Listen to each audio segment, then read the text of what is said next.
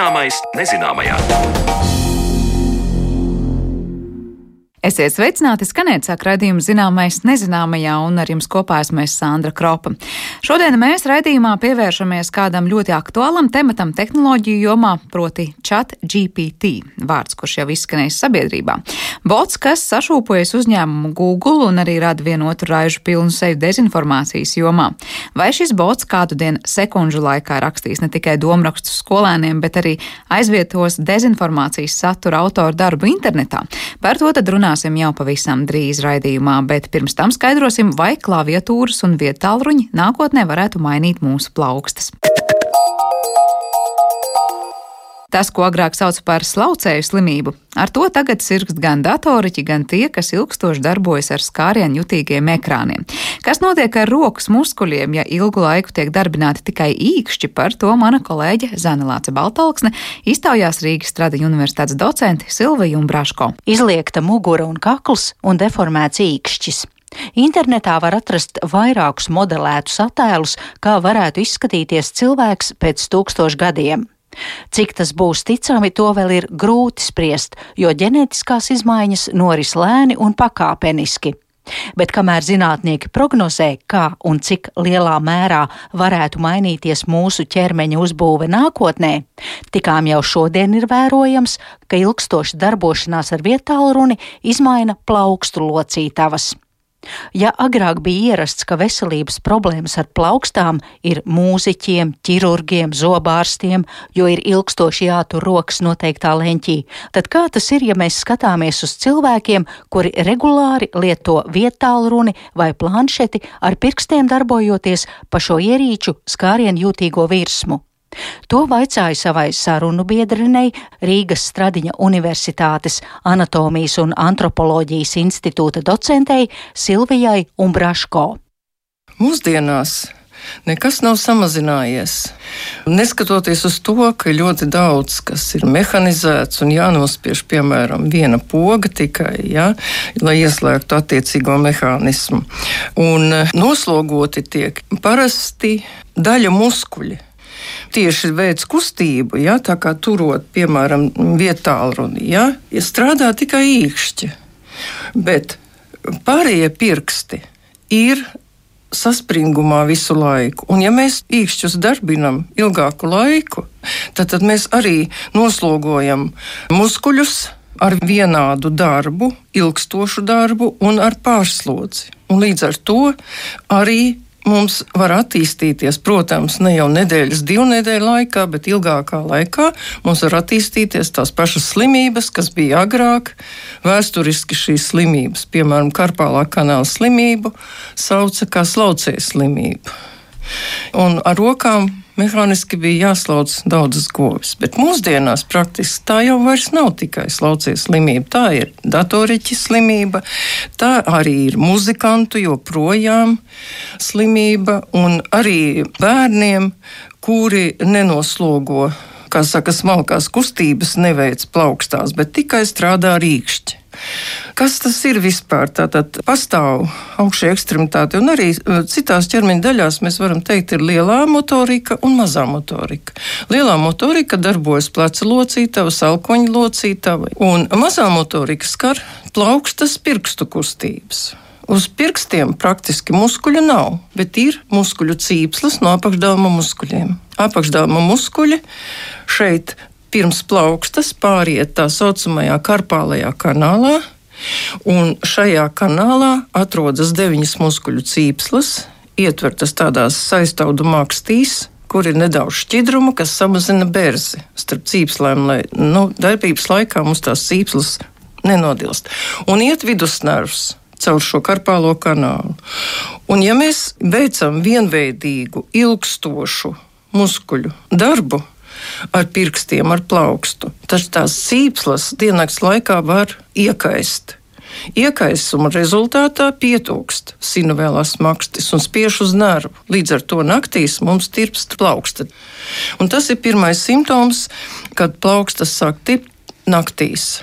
Un tas uh, liecina par to, ka sāk veidoties tas karpālais kanāls. Tātad slimības rezultātā vienveidīgs, ilgstošs roku darbs. Un tas var būt strādājot ar peli pie datora vai spaidot vietāluņa taustiņus un tā tālāk. Ja? Mēs noslogojam ilgstoši pārslogojam muskuļu cīpslas. Vai arī ir tā, ka tie pārējie četri pirksti nevar teikt, ka viņi ir vai, vai kaut kādā veidā vai, vai deformējušies, vai netiek tik ļoti darbināti, un atkal tās īkšķis locītavas ir tā vairāk ieļotas? Jā, tās vairāk ieļotas, bet kā īslaicīgi mēs ieļojam, tas ir forši, tas ir labi. Bet, ja mēs ilgstoši to darām, tā pārslodze ir tas ļoti būtiskākais, kas izraisa šo karpālo kanālu sindromu. Bet pārējie pirksti veic statisku slodzi. Arī saspringti tie muskuļi, kas notur to telefonu. Tikai īkšķi strādā aktīvi, bet pārējie pirksti pasīvi strādā. Statiskā slodze un ilgstoša statiskā slodze arī nav nekas labs. Ja, muskuļi sasprindzināti mums, lai telefons neskrīt, mēs turam. Nu, tādēļ tātad darbs ar vietu tālruņiem nekas labs nav arī un ilgstoši. Tāpēc jau ir pieļaujamās normas, kuras mēs varam, saka, atļaut bērniem, piemēram, nu, mazākiem līdz 20 minūtēm uzreiz, ja arī skolā, sākuma skolas bērniem līdz 20 minūtēm dienā vai vecākiem bērniem līdz stundai dienā, neilgāk. Tāpēc pastāv teiciens, kas par daudz, tas par skādi. Ja mēs eh, skatāmies uz tiem vietāluņu tādiem intensīviem lietotājiem, vai tur var vai ne, nevar būt pozitīvs efekts? Jūs pieminējāt šo smalko motoriku. Ja, piemēram, skatāmies uz bērnu vai jaunietu, un ja viņš tomēr tur vai ar rādītāju pirkstu slidina pa to ekrānu vai ar to īkšķi, varbūt tādā veidā tas veicina arī kaut kādā veidā to smalko motoriku. Nu, daļēji varbūt veicina īslaicīgi. Jā, bet, ja mēs ilgstoši noslogojam, tad, tad arī viena un tie paši muskuļi tiek noslogoti. Un pamatā mēs ar labo roku to darām. Jā, tad, tad viena roka. Un arī atsevišķi tikai muskuļi. Apakšdāmā ir ļoti daudz muskuļu, četri slāņi. Pirmajā slānī pat četri muskuļi, un tā kā kopā saskaitot ir daudz muskulīšu, visi skaitās tie tā saucamie veiklības muskuļi. Un mēs tikai daļu noslogojam, kad ar īkšķīšiem darbojamies. Trīs muskuļi iet uz īkšķi no apakšdāma, un pārējie muskuļi jau netiek darbināti ja mēs ar īkšķi darbojamies. Nu, labi, rādītāji pirkstam arī iet no kopējām diviem saliecēju muskuļiem, un ir speciāls muskulīts rādītāji pirksta. Ir īpašie muskuļi, personīgie muskuļi, kā es mēdzu teikt, īkšķim, rādītāju pirkstam un mazajam pirkstiņam. Tātad šie muskulīši palīdz satveršanu, līdz ar to mēs satveram, noturam Un šos muskuļus mēs varam trenēt tieši attīstot to smalko motoriku. Un smalko motoriku mēs īpaši ar to vietālu runu nevarēsim attīstīt. Mums ir vispār jāsāk smalkā motorika trenēt jau praktiski no gada vecuma, kad bērns sēž un smalkās darbības veids ar pirkstiņiem satveršanu, pārliek mazus priekšmetiņus satver, iekšķus un, un rādītājs ar pinceti satver un noliek kaut kur vai ieliek vai samaina tos klucīšus mazos vēl kaut ko. Protams, tas ir viss jādara vecāku kontrolē vai audzinātāju kontrolē, jo mazu priekšmetu bērnam nevar dot vienam pašam, ja viņš var iebāzt mutē. Jūs pastāstījāt par to, kā plaukstas un pirkstu muskuļi mainās vai deformējas lietojot e, vietāluņus. Kā tas ir ar pārējo cilvēka ķermeni? Jo bieži vien jau mēs arī redzam, ja cilvēks viņam ir e, tas vietālu runis, tas noliektais kakls arī uz leju ir parasti. Kā? Jau ir tagad pierādīts, ka lietojot ilgstoši vietāluņus, planšetdatorus un tā tālāk, mēs sabojam redzi. Jo nevienmēr ir e, pareiza, jeb ergonomiska sēdēšana. Tas ir viens redzes bojājums daudz. Otrs, mēs sabojājam mugurkaulu. Sēžot, mums galva ir lejā, un krūtīs, krūšu daļā mugurkaulam veidojas kūkums. Pleci uz priekšu, Un mēs saspiežam krūšu dobumu, vēdera dobumu. Starp krūšu dobumu un vēdera dobumu ir diafragma. Un mēs nosprostojam to diafragmu. Diafragma ir galvenais ielpas muskulis. Tad viņš mums visu laiku nospies. Mēs elpojam tikai ar plaušu augšējo daļu.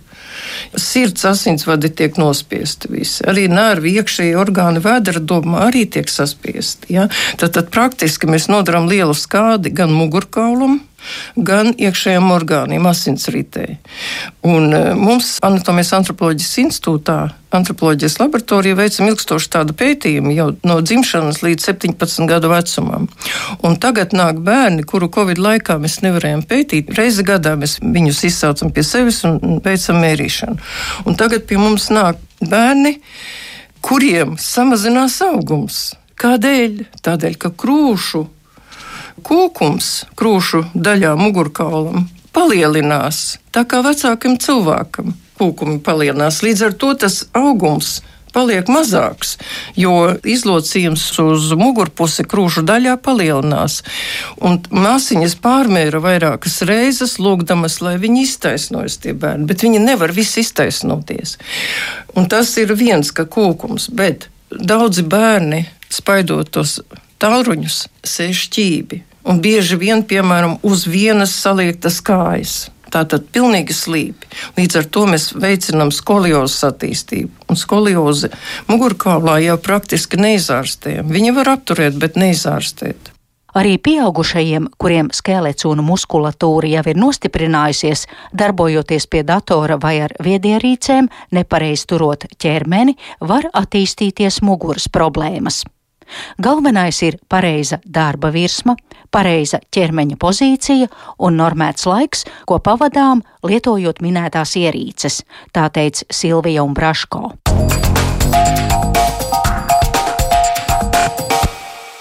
Par slodzi, ko mūsdienu tehnoloģijas rada mūsu plaukstām, dzirdējām Zanes Lādes Baltalksnes sagatavotajā sižetā, bet par chatbotu, kas spēja rakstīt dzēju un rasistiskus komentārus internetā, saruna pēc brīža.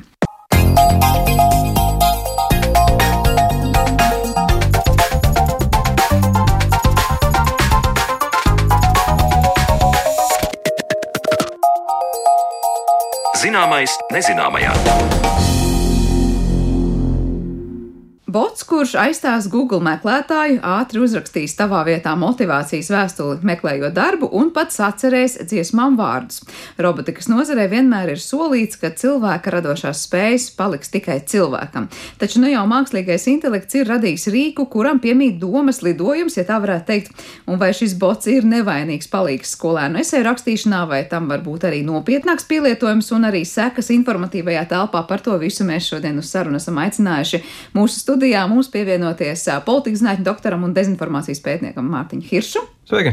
Kā arī Pētera Paika no Latvijas Universitātes Matemātikas un Informātikas institūta pētnieku, arī Lumija Mākslīgā intelekta laboratorijas vadošo pētnieku. Labdien! Sveiki! Sāksim ar tiem botiem un mašīnu mācīšanos un mašīnu rakstīšanu. Esam runājuši mēs arī daudz šajā pašā raidījumā. Uh, ar ko šis rīks atšķiras no visiem iepriekšējiem un citiem, jo, nu, vismaz tā klausoties, tas, cik plaši to kāds ir pamēģinājis, izklausās, nu, ka gana ticams dažādus tur labus rezultātus uzrāda. Viens uzraksta esēju, cits, dzē, cits dzējoli, vēl kāds atrisina matemātikas uzdevumu. Pēters, sākšu ar to. Uh. Manuprāt, ir jāpasaka, ka būtiskā atšķirība šim no citiem modeļiem ir tā, ka viņš ir darīts pieejams sabiedrībai. Mums ir līdzīgi modeļi pirms tam, līdzīgi modeļi pēc tam. Tas, kas pietrūka, bija, kā lai saka, kas ir tieši ChatGPT unikālais pienesums, ir viņi ieviesa veidu, kā to modeli sakropļot un ierobežot, lai viņu drīkst, lai viņu nebūtu kauns likt publiski, jo viņš ir gatavs runāt par visādām sociāli nepieņemamām tēmām ļoti brīvi, ja nav to ierobežojumu. Bet sanāk, šeit tie ierobežojumi bija uzlikt vai nolikt, lai varētu. Nu, viņi nav, viņiem nav izdevies to uzlikt, varbūt perfekti un ļoti labi, bet viņi ir ļoti centušies. Jo bez tiem nu, mums ir ļoti daudz interesantu piemēru. Tur Microsoft Tei daudzus gadus atpakaļ, kad nu, viss nejaukais, ko cilvēki jebkad ir iedomājušies un pateikuši internetā, tie boti arī to visu zina.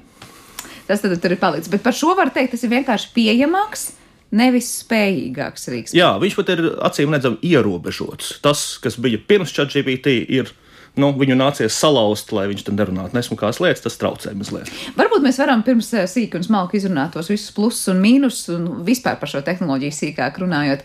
Uh, dažus piemērus pieminēt. Nu, kas ir tas, ko šis konkrētais rīks jau ir izdarījis? Es zinu, ka ir bijuši televīzijas raidījumi, kuros uh, filozofs Arts Svets pat ir lūdzis uzrakstīt valdības deklarāciju, un patiesībā diezgan ticami to, to šis bots ir izdarījis. Es zinu, ka tīri nu, praktiski cilvēks savā ikdienā ir mēģinājuši palūgt uzrakstīt dziesmu vārdu vārdus vai dzēju, nu tad jautājums, protams, tur tā mākslinieckā komponente, kā kuram ir uz, iz, izprotama un saprotama. Bet nu, daudz maz ticami, daudz ko ir spējis izdarīt. Kāds ir tas vērtējums, cik daudz ko var un ko var šis konkrētais rīks? Tas rīks, tas, kam viņš ir, uz ko viņš ir optimizēts un ko viņš var izdarīt, ir tieši par jebkuru tēmu uzrakstīt lietu, kas izskatās ticama. Saturs tur var būt, var nebūt, bet tas, ka forma izskatās ticama, nu tā ir viņa stiprā puse. Attiecīgi, tiklīdz mums ir joms, kur varbūt nav tik daudz ko teikt, bet ir svarīgi, kā to pasaka, Nu, tad viņš tad var palīdzēt. Tad, tad eh, dažādas, es nezinu, paziņojumi, deklarācijas, deklarācijas tur tad tas viss ir akceptējams un izklausīsies gan ticami. Man liekas, ir kas komentējums par tiem piemēriem un šobrīd nu, to, cik ir redzēti tie pielietojumi. Tad nu, jā, jā, tā, parunāsim atsevišķi. Tā, tā kritiskāk tam pieejot nu, tādus blā, blā tekstus. Viņš māk rakstīt rekomendācijas, kaut kādas esejas, pārdomu, tādas vispārīgas lietas, jo mēģina specifiskākus jautājumus iedot viņam. Tur, piemēram, mēs mēģinājām kolēģiem par integrāciju Latvijā, par krievalodīgajiem un tā, jo kādi dati, fakti, specifiski jautājumi, viņš sāk kļūdīties un muļķības runātājiem biežāk un biežāk. Nu, tādus, tādus skaistus, vispārīgus tekstus, jā, konkrētās lietās daudz, daudz problemātiskāk un kopumā. Un tas, ko sauc par uh, mākslīgu intelektu halucinācijām, uh, nu, uh, tas, ko cilvēki, lietojuši atkal, atkal saka, ka 15 līdz 20% no visa, ko viņš pasaka, ir muļķības vai problemātiski. Uh, Un, nu, jo specifiski kaut kas tematus iet, jo lielāka problemātika paliek. Tie pašā laikā, nu, ko viņš māca, ir skaisti pateikt un pārfrāzēt dažādos veidos tekstu. Nu, ja tu gribi vienu to pašu tekstu dzirdēt, tur dzējā, repā vai kaut kādā specifiskā stilā, viņš to māca izdarīt ļoti labi, ļoti ticami. Nu, un, tad, protams, jautājums ir, kas, kas notiek ar šo modeli tālāk, kā viņš attīstās, tur var būt daudz un dažādi plaši pielietojumi, par ko mēs arī gan vēlāk runāsim. Jā, bet runājot par šo pielietojumu, arī šīs sarunas kontekstā, kas mums pamudināja tieši šobrīd runāt par šo rīku, es saprotu, ka arvien vairāk ir tie cilvēki, kas jau tagad sastopas ar to, ka paliek bez darba, jo patiesībā es nezinu, vai konkrēti šis rīks, bet jebkurā gadījumā Chatbots ir spējīgs šobrīd ģenerēt tos tekstus, ko, piemēram, līdz šim radīja konkrētais cilvēks. Tad mēs runājam, ka tie ir kaut kādi ļoti vienkārši teksti vai tādi, kur kā saka, tā forma prevalē pār saturu. Un mēs joprojām varam būt droši, ka tajā brīdī, kad ir jārada kāds saturiski ļoti, ļoti varbūt sarežģīts produkts, vienalga vai tas ir raksts, vai tas ir raidījums, vai tā ir filma, vai, vai dzēja, vai kas cits, ka tur mēs joprojām varam teikt, ka cilvēks paliks neaizskarams pirmajā vietā. Nu, kopumā ar kur tehnoloģija attīstību ir nomainījušies tie darbi, darbu veidi, darbu formas, teiksim, mašīnu rakstītāji vairs neeksistē. Uh, bet tie pašā laikā ir tehnoloģijas, kas nav izskaudušas cilvēkus, kas dara darbu. Un, teiksim, jau sen mums ir pieejams Google Translate, kurš tulko lietas, bet viņš netulko tik labi kā cilvēks. Vajag vēl to cilvēku pāraudzību, vajag vēl to cilvēku to, to pirkstu, to aci, kas zina, kā tad valoda ir pareizi jāskan. Un ļoti līdzīgi arī šis GPT ļoti iespējams būs palīgs, kas palīdz cilvēkiem radīt tekstus, bet tev vajag to cilvēku elementu, kurš pārlasa, pārbauda, vai tas vispār, kas ir uzrakstīts automātiski, vai viņš, viņš ir loģisks, pamatots, vai viņš ir nu, jēgpilns. Korekts varbūt arī. Arī jā. tas, arī tas. Pēter, kāds jūt par to, kur tas cilvēks pazudīs, nepazudīs no tām radošajām lietām? Nu, manuprāt, ir. Es teiktu, ka, ja mēs skatāmies ne uz šo chat GPT, bet skatāmies vispār uz, uz, uz ilgtermiņa tendencēm, nu, uh, nu ir jāskatās, kurā brīdī tiem klausītājiem vai lasītājiem, kas viņiem ir svarīgs un kurā brīdī viņiem tas cilvēku piesitiens ir svarīgs. Ir vienā brīdī ir cilvēki, ir nezinu, gatavi maksāt tur desmit reizes vairāk par rokām taisīt tur priekšmetiņu, vai simts reizes vairāk nekā viņi var mašīnu saražot uh, no plastmasas. Uh, bet no otras puses, ikdienā vairumā lieto to produktu, kurš ir lētāks un izdevīgāks, to pašu Google Translate. Daudzi Tā parā, mums parādās ļoti daudz tulkošanas pielietojumu, kurus agrāk neviens nekad neiedomātos lasīt avīzes svešā valodā, jo nu, neviens taču nemaksās tulkam par to, ka viņš man nolasa priekšā avīzi. Google Translate to ļauj, pavarot daudz nu, vienkārši dar, izdarīt daudz vairāk, izdarīt simts reizes vairāk nekā visi šie cilvēki līdz šim varēja Jā, to darīt. Tas arī nāk kopā ar produktivitāti, kad nu, cilvēki var izdarīt daudz vairāk. Tā vietā, lai sēdās stundām tulkot to tekstu, viņš iztulko pāris minūtēs, tu mazliet pielabo, vai arī vienkārši lietas, kur automātiski pārtulkot, kas reiz strādā, un cilvēku darīt kaut ko jēgpilnāku nekā tulkot vienkārši. Jā, bet jautājums par tekstu uztveršanu, ja mēs reiz aizrunājamies par to arī kaut kā, nu, klausoties audio versijā, dažkārt šo te tulkoto tekstu, Es nezinu, vai tas būs valodas atkal jautājums, bet eh, man pašai nāsās klausīties. Tas gan bija angļu valodā ierunāts šis deepfake video, kur arī bija, uh, vai tik ne šis pats Rīgas ģenerējis to tekstu, ko konkrētai personai runāt. Nu, pēc dažām minūtēm bija tā sajūta, ka ir ļoti grūti koncentrēties un uztvert, jo neskapēc liekas, ka dzīves cilvēks, īsts cilvēks to pastāstīt kaut kā daudz uztveramāk, un kā mēs zinām, nu, teksta nodošana arī ir vesela māksla, kur mēs ļoti bieži paši intuitīvi saliekam akcentus tā, lai otrs cilvēks vieglāk uztver to mūsu runu. Vai deepfake, šādi video vai chat GPT radītie uh, vizuā, uh, audiovizuālie, piemēram, materiāli. No uztvers viedokļa būtu tāda pati kā tāda paša kā dzīva cilvēka rakstīti teksti. Nu, Es teiktu, kādu laiku, varbūt pat jau tagad, jā, jo pašlaik jau ir bijuši pirmie gadījumi, kad nu, šie deepfake audio faili tiek uzlikt virsū īstu cilvēku, uh, tur, tur video attēlam mākslīgam, un kur sociālās tīklos ir bijuši ažutāži, kaut kāds influenceris vai kaut kāds pazīstams cilvēks sakot pilnīgas muļķības, briesmīgas lietas.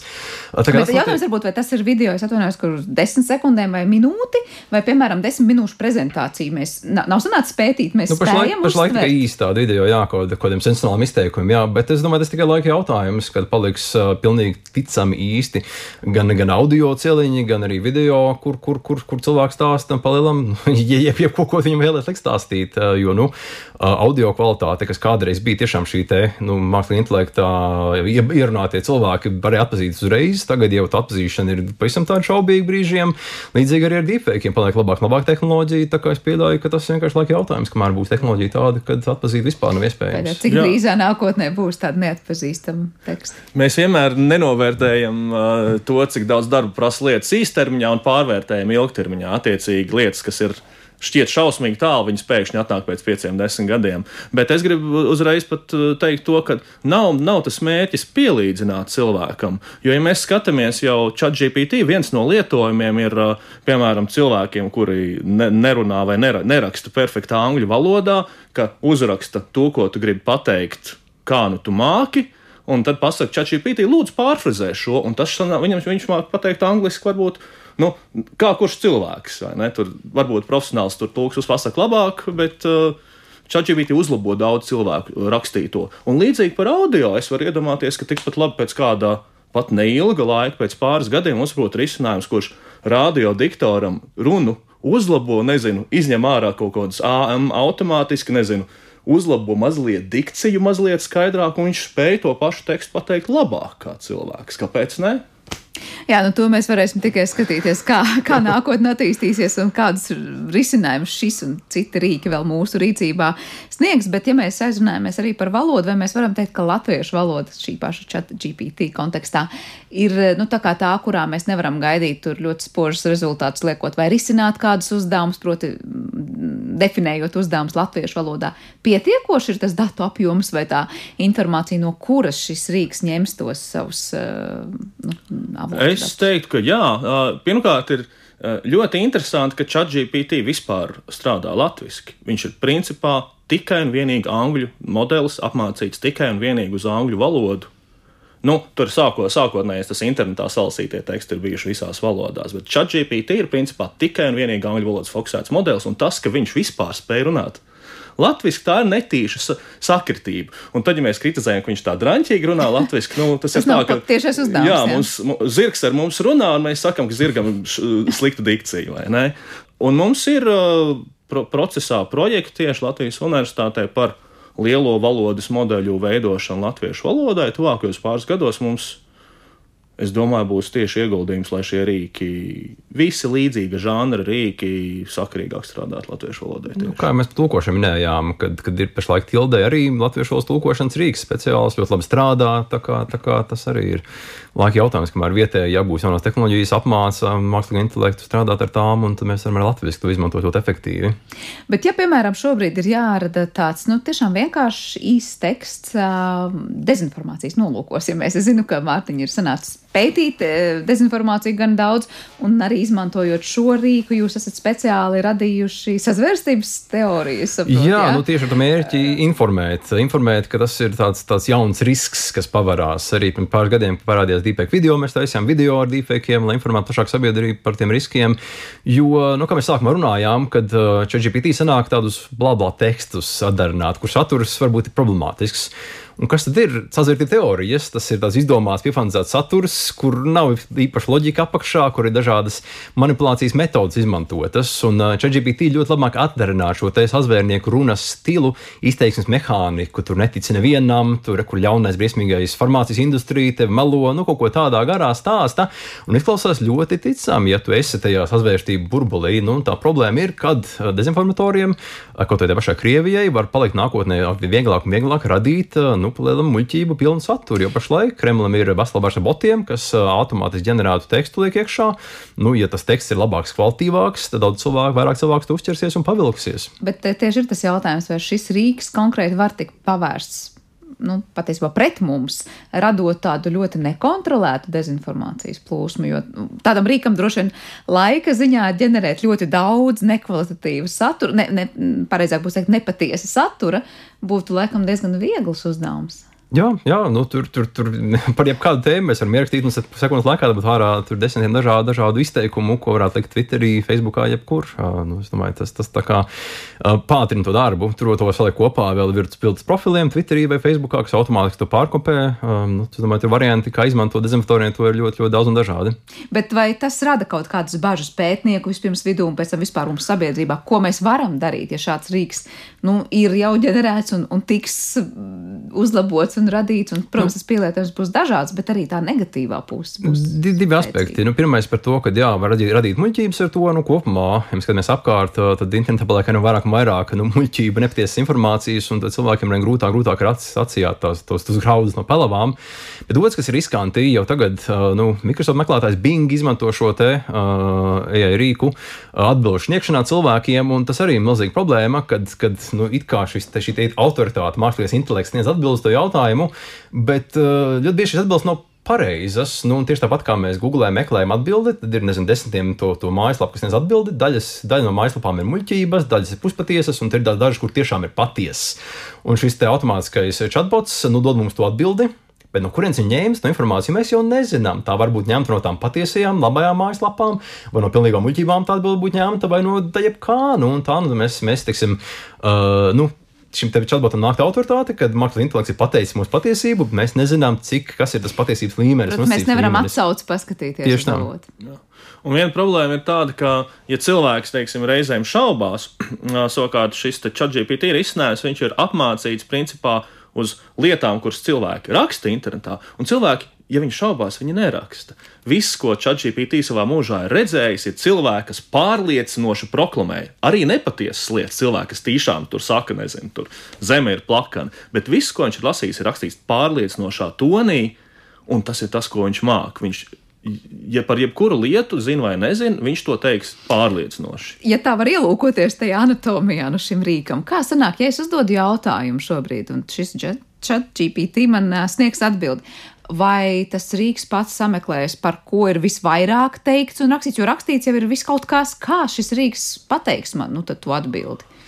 Viņš nemeklē atbildi. Viņš pat principā nav pat taisīts, lai atbildētu uz jautājumiem. Tā pamatbūtība ChatGPT ir turpināt tekstu. Tas rakstīs uh, kaut ko, kas izklausās ticams turpinājums. Neskatoties uh, uz avotiem, avots tajā brīdī viņš neredz. Viņš ir no visiem, visu, ko ir izlasījis, Viņš ir bibliotekā katru grāmatu vienreiz izlasījis, un tad biblioteka sadedzinājis. Cik viņš atcerās, tik ir. Un kaut ko atbildēs. Un ir ļoti viegli gribās uh, pielikt tam cilvēku īpašības, bet tas ir nepareizi un rada kļūdainu priekšstatu. ChatGPT nav viedokļa. Uh, jo pēc būtības viņam uzprast, ko tu domā par to, viņš atbildēs ticamu turpinājumu, bet uh, uz līdzīgiem jautājumiem viņš var atbildēt uh, nekonsekventi ar iepriekšējo. Viņam nav vienots. Nu, protams, var savstarpēji izslēdzot. Jā, mierīgi. Atbildes. Viņam ir visi, visi konfliktējoši viedokļi, visi tur ir iekšā, un viņš var runāt, slavināt jebko. Abas divas pretējas lietas, bez jebkādiem aizspriedumiem. Tad tur nav nozīme, tur statistika. statistika Nē, nu, viņš teiks ticamāko. Protams, jā, ja, ja, ja visi saka, nezinu, ka zāle ir zaļa, tad to, to čaču arī saprot, ka ir ļoti neticami, es tagad teikšu, ka zāle ir sārkana. Nu, bet, uh, bet arī kā, kāds atkarīgs kā, no konteksta. Arī kā pajautāt tieši tā, ja prasīs, uh, nu, kurā gadā Hillary Clinton kļuva par prezidenti, Viņš pateiks, ka Klintona kļuva par prezidenti, kurā 16. gadā, jo, jo, jo tā kā tas bija tas Kurā jautājums. tad vēl gadā viņi varēja Nu, kļūt? tieši tā, tieši tā, jo tas ir loģiski no tā jautājuma izriet uh, te šim te algoritmam. Un kopumā, nu, mēs sākumā pieminējām domas lidojumus, uh, nu, nav nekāds domas lidojums šim te, uh, šeit programmai. Mums var ja likties, jā, Tieši tā cilvēkiem liekas, un tas ir tas vēl viens aspekts, kāpēc viņš ir populārs, jo, nu, kopumā mēs uzticamies tādiem pašiem cilvēkiem kā mēs, nu, tie, kas runā līdzīgi, tie, kas izsakās līdzīgi, un ChatGPT runā ļoti līdzīgi parastam cilvēkam. Protams, var paprasīt, lai viņš runā dīvainos veidos, bet kopumā viņš runā, nu, kā teica kolēģis, tā, tā, tā, tā pārliecinoši, uh, skaisti, ticami. Viņš labāk. piekrīt. Un arī tas, jā, nu, tas jau Tas ir kopumā. patīkami. Ja tu uzprasīsi apmēram, kāpēc tur genocīds ir labs, viņš teiks, jā, es tev piekrītu. Pastāstīs simts iemeslus. Nu, ja, tu, ja tur nav tie viņi nenotigrēsies, tev ierobežojumi. Eh, Nonācām līdz genocīda, piemēram, un, protams, es arī vēlējos pavaicāt par rasismu un daudz ko citu, ko mēs, piemēram, daudzās citās komunikācijas formās noteikti zinām, ka nu, ir kaut kāds. Es nezinu, rāmis, kurā mēs atļaujamies, kā izteikties, un kas ir, kas nav pieļaujams un pieņemams, kurā konkrētajā brīdī. Kā ir ar šādu rīku? Vai viņam pastāv, viņam atkal gribas teikt, kā tiešām dzīvam organismam pastāv šīs ierobežojums. Eh, Lūk, piemēram, šobrīd es neslavināšu tur vai rasu naidu, vai ko citu, vai genocīdu, vai savukārt es. Um, Neatbalstīšu terorismu vai nevērsīšos pret kaut kādiem rasistiskiem izteikumiem pret kādu minoritāšu grupu. Nu jā, šādi filtri ir uzlikti. Mēģina programmētāji ierobežot to, ka viņš neteiks pilnīgi visu, kas ir internetā, bet tie pašā laikā pirmkārt tos var mēģināt apiet ar īpašiem jautājumiem vai pajautāt konkrētā formā. Un otrs ir tas, ka kad, kad, nu, kaut kādus tos lielos jautājumus, jā, tur nezinu, tur holokausts vai kaut nezinu, vakcīna dezinformācija, viņš zina, kā atpazīt, bet kaut kādus specifiskus jautājumus, tur nezinu, ko vietējās sazvērstības teorijas, tā kā Latvijā tur ies uz urā, nu līdzīgi kā nu, nezinu, Google kaut vai uh, Google pēdējos gados ir pret vakcīnu dezinformāciju vēršusies, bet kaut kādiem specifiskiem jautājumiem, kas tur aktuāls ir Latvijā vai, vai citur, kas ir pilnīgs muļķības, nu neko nedara. Uh, nu, tā ir tā problēma, kad, kad ja kaut kas nokļūst tajā nezinu, sabiedrības pasaules uzmanībā, tad pret to varbūt vērsīsies ierobežos tās, tās dīvainās uh, problemātiskas atbildes un saturu, bet uh, nu, kaut kādas citas lietas, kas viņam neliekas svarīgi, vai kas nāk no mazām valstīm, kurās lielai kompānijai nav nekāda interesa, to viņš stāstīs pilnīgi, ko, ko tu vēlēsies dzirdēt. Uh, tā kā, tā kā, Tā kā tur mēs nevaram runāt par kaut kādu, nu, es nezinu, komunikācijas kultūru vai vispār ierobežojumu tajā, nu, kādi. Nā, varbūt naida pilnas, naida runas tiek Ne, izpildītas. Nu, tas, tas ir līdzīgi kā prasīt, lai tagad Google, nu, teiksim, internetā ierobežo kaut kādu saturu. Nu, internetā ir tas pilnīgi visu. Un tieši tāpat arī šīs programmas mācās nu, no tā visa, kas ir internetā. Un, ja vien tas speciāli netiek pateikts, nē, tu nedrīkst tā teikt, tad, tad, tad, tad algoritms nezinās, ka viņš nedrīkst tā teikt. Jā. Jo, jo tur tieši tā lieta ir, ka tas ir filtrs pa virsmu. Mēs nemākam un nemēģinām pat īsti izmainīt to, kas ir pēc būtības, jo to īsti nevar. Tur ir pa virsmu uzlikta maska, un reizēm no tās maskas kaut kāda taustekļa lien ārā. Un, uh, Un tā varbūt ir tāda tā ir fundamentāla problēma kaut kādā ziņā nu, mākslīgā intelekta nozarē, pētījumos par, nezinu, uh, AI alignment un uh, safety un tādas lietas, uh, uh, kā, uh, ka ied, mēs zinām, ka vajadzētu metodi, kā iedot tam algoritmam nu, kaut kādu vērtību skalu, lai viņš nezinu, pats pēc būtības saprot, ka tā ir slikti un tāpēc tā nedara. To cilvēki ļoti grib darīt, ļoti pēta, nav labu rezultātu, nav labu metožu. Tāpēc tas, kas ir ChatGPT, ir nu, tāds diezgan tāds brutāls filtrs, kurš tajā brīdī viņš sāk gribēt teikt, nu, nezinu, ka Hitlers neizdarīja neko sliktu, un tad viņam iesit pa pirkstiem, viņš apraujās un pats tā pasaka kā, jā, kaut ko citu. Tur ir pa virsu, pa virsu tam modelim vienkārši nu, tāds rupji runājot. Reinforcement learning uzturnēts tur modelīts, kurš viņu soda, ja viņš sāk sliktas lietas. Tad ir kaut kādas, nu, kā saka, ceļa līnijas, kuras pasaka, stop, tagad tu pārkāp Jā, robežu. jā tagad, tagad runās, tagad tev nolas lūdzu no lapiņas disklēmē. Bet eh, cik lielā mērā šis konkrētais rīks, vai arī nu, līdzīgie rīki, var pamudināt cilvēku uz kaut kādām, nu, ne īpaši apsveicamām un legālām darbībām? Ir lasīts, ka, piemēram, ir kaut kāds šī te chatbotu rīks, kas pasaka, uzlauž tur Facebook kontu vai dari kaut ko citu, nu, kas, kas, kas būtu neapsveicama rīcība.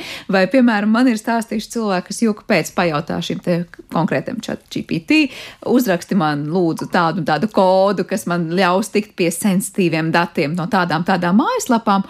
Kur šis te rīks pasaka, vispār tas nav atļauts, bet šeit būs lūdzu kods. Un tad ir jautājums, nu, cik pareizi, protams, un lietojam kaut ko iedos šis konkrētais rīks Vai kur ir tā robeža, kas šis mums atnesīs datus, kurus citkārt mēs teiktu, tur, tur mēs netiekam klāt un nedrīkstam tikt klāt? Viņš jau nedod neko tādu, ko nevarētu atrast bez viņa.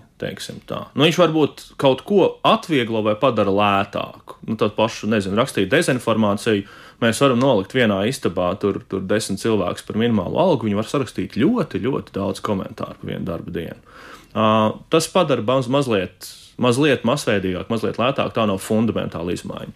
Uzrakstīt kodu, kurš kaut ko dara, nu, to kontu var sagūglēt. Es tieši strādāju daudz drošības jomā, ir, ir visādi resursi, un tie, tās ievainojums, kas ir publiski zināmas, viņām ir. Nu, labi pameklē, ir publiski pieejami. Bet vai tas mums rada papildus bāžas par to, nu, cik ļoti mums atkal kā sabiedrībai jākļūst, es nezinu, cik uzmanīgai izglītotai, vai kā citādi mēs varam sevi pasargāt, ka, protams, kā jau Pēters tikko teica, nu, tas kaut kaut kur ir.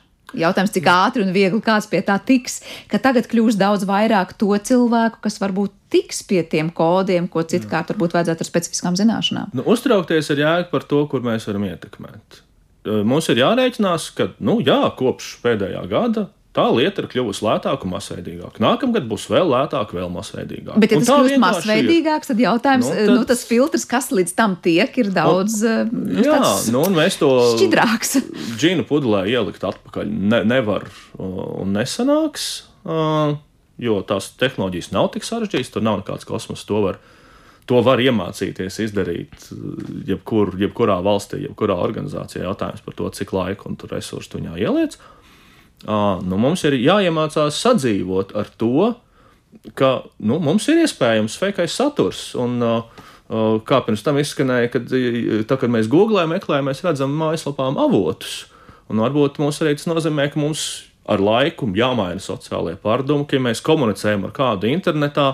Tad jautājums, vai es zinu to cilvēku, man vienkārši jāpieņem a priori, ka varbūt tas Ne nav tikai ir. Jā, varbūt tas arī nemaz nav cilvēks. Par, par to mēs jau jokojam, ka laika gaitā, kad tu apnīk kāds rakstīties, uzliec automātiski, lai atbalstu turpina tā vietā, raksts rakstīties, tad cilvēki iemācās no tavi, taviem izteikumiem, tavas runas stila, un tad nevis tur runā ar to cilvēku, kurš tur apnicis, bet automātiski. Tā kā, un tad pēc tam būs jautājums, kas notiks, ja šis konkrētais chatbots būs runājis, piemēram, kādu mm -hmm. no mhm. mūsu vārdā, un pateicis kaut ko tādu, par ko mēs negribētu, lai publiski tas būtu izskanējis, un kurš atbildēs, un kurš nesīs atbildību. Mēs, kas deleģējām chatbotu runāt, tad, kad mums bija slinkums vai nebija laika, vai Ne, nu, tur, tur kopumā nāk daudz un dažādi izaicinājumi. Nu, pirmkārt, chatbots ir apmācīts no tā visa, kas ir internetā. Nu, tad jautājums ir, kur paliek autortiesības. Jā, jā, bet te ir jautājums par to, ka, piemēram, Tas, tagad, jā. nezinu, es kā Sandra pateikšu, man tagad ir slinkums runāt ar konkrēto cilvēku, atstāja chatbotu. Protams, ka tas chatbots, nu, ja mēs tā fantazējam, tikai no maniem izteikumiem jau kaut ko ģenerēs, bet varbūt uzģenerēs to, ko es varbūt viens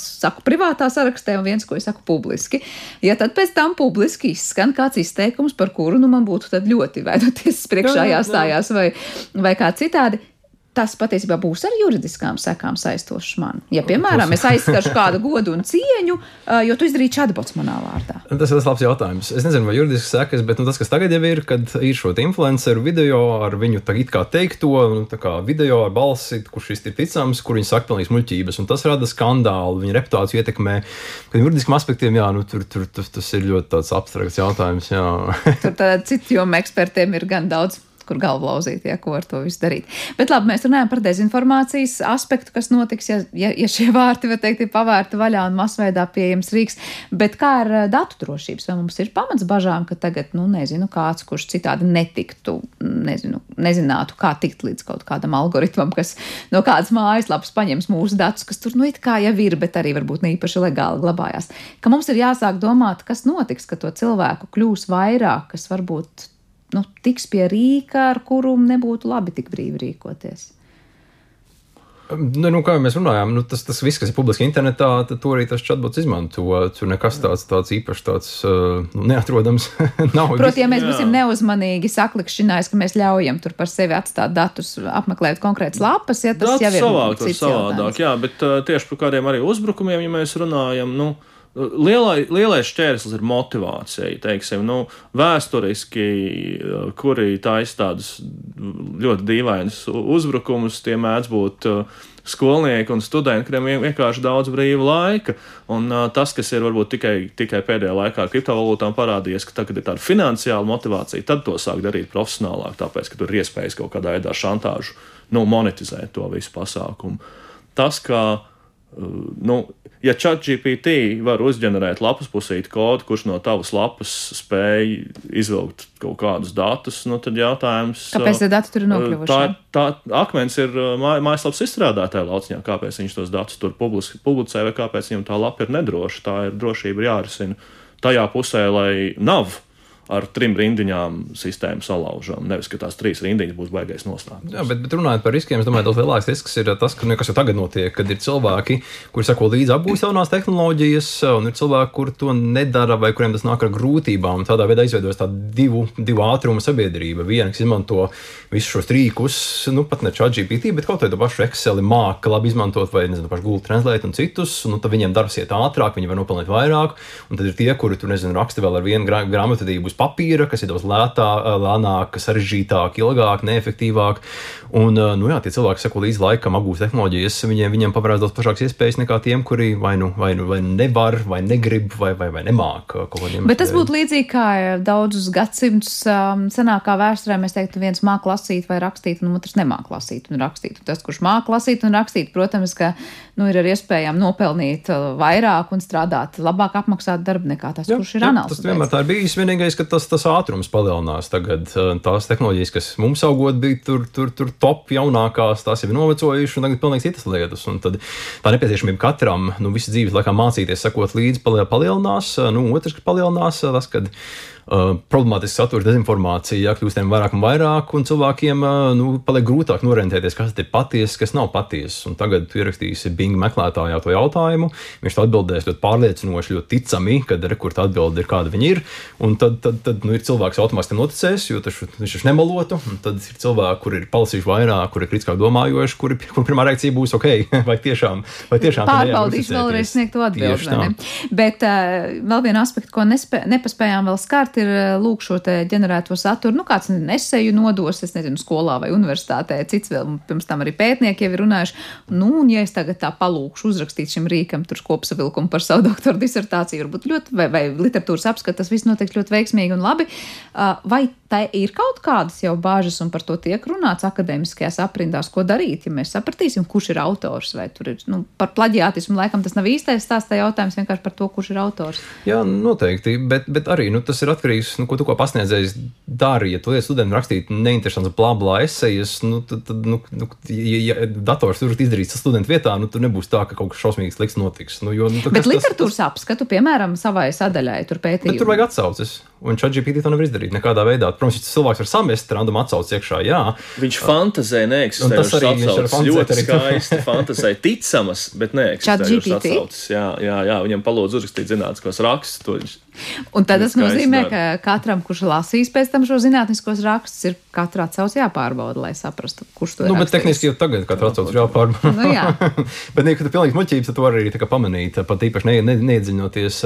Bet nu, tas, uz ko es savukārt ceru, ir, ka nu, pašlaik tas bots ir apmācīts uz visu internetu, un es kaut kādā nākotnē pieļauju, ka varētu būt bots, kurš apmācīs, nezinu, tur uz desmit tūkstošu labāko vēstures grāmatu, un tad tur viņi var runāt par to vēsturi. Viņš atbild nevis no visa interneta, bet no kaut kāda tiešām iedzīga kvalitīva satura, un ka tādā veidā var būt bots, kurš palīdz mācīties kaut kādu specifisku vēstures jautājumu vai kādu citu zinātnes jomu, kurā tās atbildes varbūt arī nav pilnīgi perfektas, bet vai varbūt ir vienpusīgi, varbūt nu, jā, kaut kādā jā, veidā jā. iegūts. Uh, cik šāda nu, šāds rīks, es nezinu, ir tuvu tālu nākotni, ka tas ir tiešām tiks apmācīts no jau, var teikt, atlasītas, kvalitatīvākas informācijas? Nu, šobrīd ir tā, ka pieredze ir, ka labāk strādā, ja ir vairāk datu. Tā ka, ja mēs atlasām labos avotus un dabūjam simtreiz mazāk datus, tad mums reize, rezultātā sanāk vājāka sistēma. Tā ka šobrīd vēl tendence ir tāda, ka mēs taisītu vēl lielākus modeļus ar vēl vairāk datiem, un, un ideālais sākuma punkts ir viss, kas jebkad ir uzrakstīts pasaulē. Pat neiet runa par to, kas ir tagad internetā, bet viss. Un līdzīgi, Vispār, un līdzīgi mēs nevaram uz, uz, uztaisīt labu modeli pēc viena cilvēka runātāja, jo viņš ir par maz runājis savu mūžu laikā, lai mēs labi iemācītos valodu, noskā minūtes priekš tā, lai nu, zināt visu, visu, nezinu, latviešu vai angļu vai krievu valodu, mums ir vajag vairāk datus nekā es savā mūžā esmu uzrakstījis. Ja, ja būtu datoram pieejams, būtu viss, ko es savā mūžā esmu dzirdējis, kopš bērna kājas, var būt, bet, bet arī īsti nepietiktu. Jo es esmu dzirdējis aktīvi, kā saka, iesaistoties sarunā, un tas ir, ir efektīvāk dati nekā, ja kāds pasīvi no malas klausās to pašu. Jā, tas liek tā apjaust to datu apjomu, kas patiesībā ir vajadzīgs, lai mēs pēc tam saskartos ar daudz maz normāli uzģenerētu tekstu, kas mums liktos ticams. Noslēdzot šo sarunu, te jau ieskanējās sarunas gaitā gan plusi, gan mīnusi, bet kā jums abiem šķiet, nu šis rīks, protams, mums ir uz neatgriešanos, un, un nezinu, tas ir labi vai slikti, katram ir savs viedoklis, bet, protams, nu tikko kā tas ir instruments, tas, protams, daudz kur atvieglo dzīvi un padara lietas varbūt efektīvākas, lētākas un labākas. Kur jums liekas, vairāk ir šie ieguvumi, zaudējumi, un kā jūs vērtējat to, kas šobrīd notiek ar, ar, ar chat GPT? Uh, nu, es, es, es, atbildēšu tā, tā plašāk, nu, jau tagad, uh, nu, nezinu, sociālā tīkli par mūsu uzmanību cenšas nozagt viņu, mums tur visādi problēma dezinformācija ir, arī, nezinu, meklētāji piedāvā kvalitīvu, nekvalitīvu informāciju.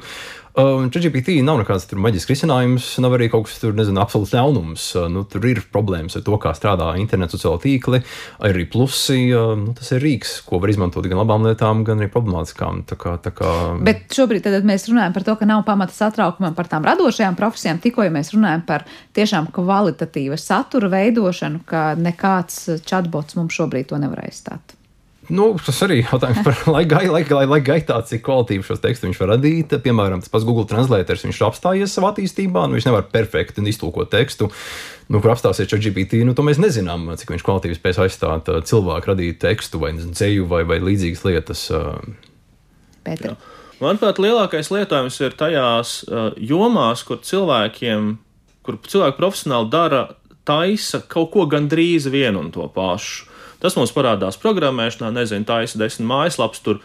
Nu, puse atkārtojas, vai arī, nezinu, raksta kaut kādas tur atbildžu vēstules uz iesniegumiem, kuras, kur, nav, kur nav tik vienkārši, ka vienkārši veidlapā ieraksta, nezinu, summu un parakstu, bet, bet principā gandrīz vienu un to pašu. Tās lietas kļūst iespējams automatizēt, jo tur arī cilvēka radošuma nav un satura radošuma nav, ka vajag apmēram tajā stilā uz, uztancēt tūkstoši dažādus priekšmets ar nelielām variācijām, nu, to šis ļauj izdarīt. Un arī nu, programmēšanas izstrādētas tiek, tiek lietotas šobrīd strādāt. Copilot no Google, piemēram. Tās sliktās puses un tie riski? Oh, nu, tie riski ir. Nu, tas grauj kaut kādā mērā sabiedrības uzticēšanos, ka tajā brīdī, nu, ja kļūst vieglāk to sabiedrības partneri, sarunas partneri, komunikācijas partneri notēlot, un es sāku varbūt nekam neticēt, tas grauj kaut kādu, nezinu, kohēziju, kā lai pasakā, kaut kādu sadarbības ar cilvēkiem vispār. Uzticību, un, nu, un tad nu, tas ir iznācis ar sociālām pārmaiņām tikai. Jā, paldies jums par šo sarunu. Ir, es domāju, viela pārdomām, un uh, tiešām nu, katrai tehnoloģijai ir sava vieta un laiks, un galvenais mērogs, kādā mēs to lietojam, bet nu, arvien vairāk saprotu, ka kritisko domāšanu neviens nav atcēlis un nebūs atcēlis, jo tā šajā laikmetā nu, tikai un vienīgi pieteiks sevi ar vien skaļāk, ja mēs vēlamies neapmaldīties tajos informatīvajos džungļos, kas visapkārt mums pastāv. Paldies par sarunu. Teikšu vēlreiz, tāda politikas zinātņu doktors un dezinformācijas pētnieks Mārtiņš Hirš pie mums šodien viesojās raidījumā, tāpat arī Pēters Paikens, Latvijas Universitātes Matemātikas un Informātikas institūta pētnieks, arī Lumija mākslīgā intelekta laboratorijas vadošais pētnieks. Par šo raidījumu parūpējās producenta Paula Gulbinska, mūzikas redaktors šai stundai bija Girds Bišs, bet studijā ar jums kopā es Sandra Kropu. Uz tikšanos!